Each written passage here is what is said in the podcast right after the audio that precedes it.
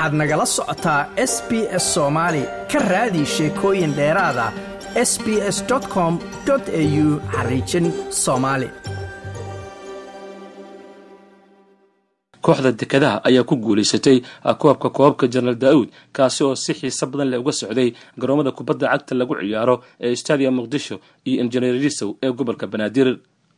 kooxdan kubadda cagta dekedaha ayaa kulankii kama dambaysta. Waxa ay laba gool oo yimid qaybtii koowaad ee ciyaarta oo midi uu ahaa gool kulaad ay kaga adkaadeen kooxdii dardarta ku socotay tan iyo bilowgii tartankan ee elman oo isku dayo kasta oo ay sameeyeen qaybtii labaad ee ciyaarta u suurtageli weysay in xitaa hal gool ay soo celiyaan. Sidaana laba gooli eber koobka kubadda cagta ee jenaraal daa'uud dhowr iyo labaatan sano kadib ay ku xaqiijisay inay ku guulaysteen kooxda dekedaha oo koobka uu guddoonsiiyey wasiirka ciyaaraha dowladda soomaaliya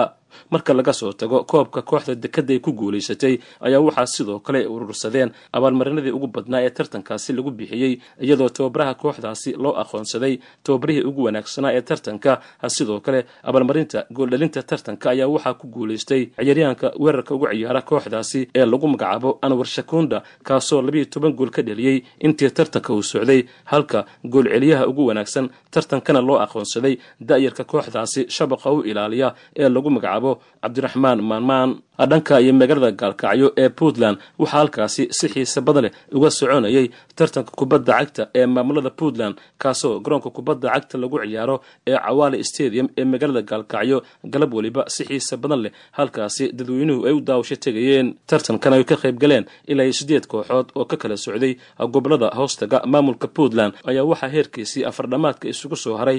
kooxda gobolka nugaal iyo kooxda gobolka highland oo difaacanaysay koobkani hase yeeshee ciyaartii samafinalka labada kooxood ayaa waxaa si fudud saddex gooli waxba ku adkaatay kooxda gobolka nugaal oo la xusuusto in kii ugu dambeeyey iyaga laga qaaday waana markii afraad oo xiriira ee kooxda gobolka nugaal ay soo gaaraan kama dambaysta finalka koobkan kubadda cagta ee gobollada puntland oo laba ka mid a afartaasi jeer ay iyagu ku guulaysteen kulanka kale ee samafinalka koobkan ayaa waxa uu dhex mari doonaa kooxaha gobollada bari iyo sidoo kale gobolka mudug oo tartanka martigelinaya iyadoo ciyaarta kama dambaysta finalkana la filayo. Sida horey loo qorsheeyey in siddeed iyo tobanka bishan lagu qabto isla garoonkaasi cawaale ee magaalada gaalkacyo dhanka iyo qaaradda yurubna kadib markii muddo laba toddobaada la ciyaaray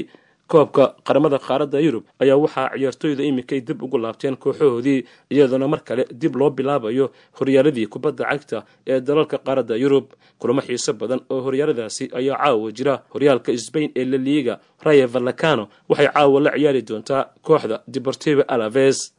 Dhanka iyo horyaalka bundesligaha jarmarkana ciyaar xiise badan oo aada u kulol ayaa dhici doonta waxaanay u dhexaysaa kooxaha bayer munich iyo bayer leverkusen dhanka iyo faransiiska horyaalka liigwanka dalkaasi kooxda awoodda badan ee baris sa german ayaa caawa la ballansan kooxda niis iyadoo dhanka iyo championshipka dalka britainna hall city iyo coventry ay wada ciyaari doonaan. Southampton waxay la ballansan tahay kooxda leicester city. Xubinta ciyaaraha s b s muqdisho.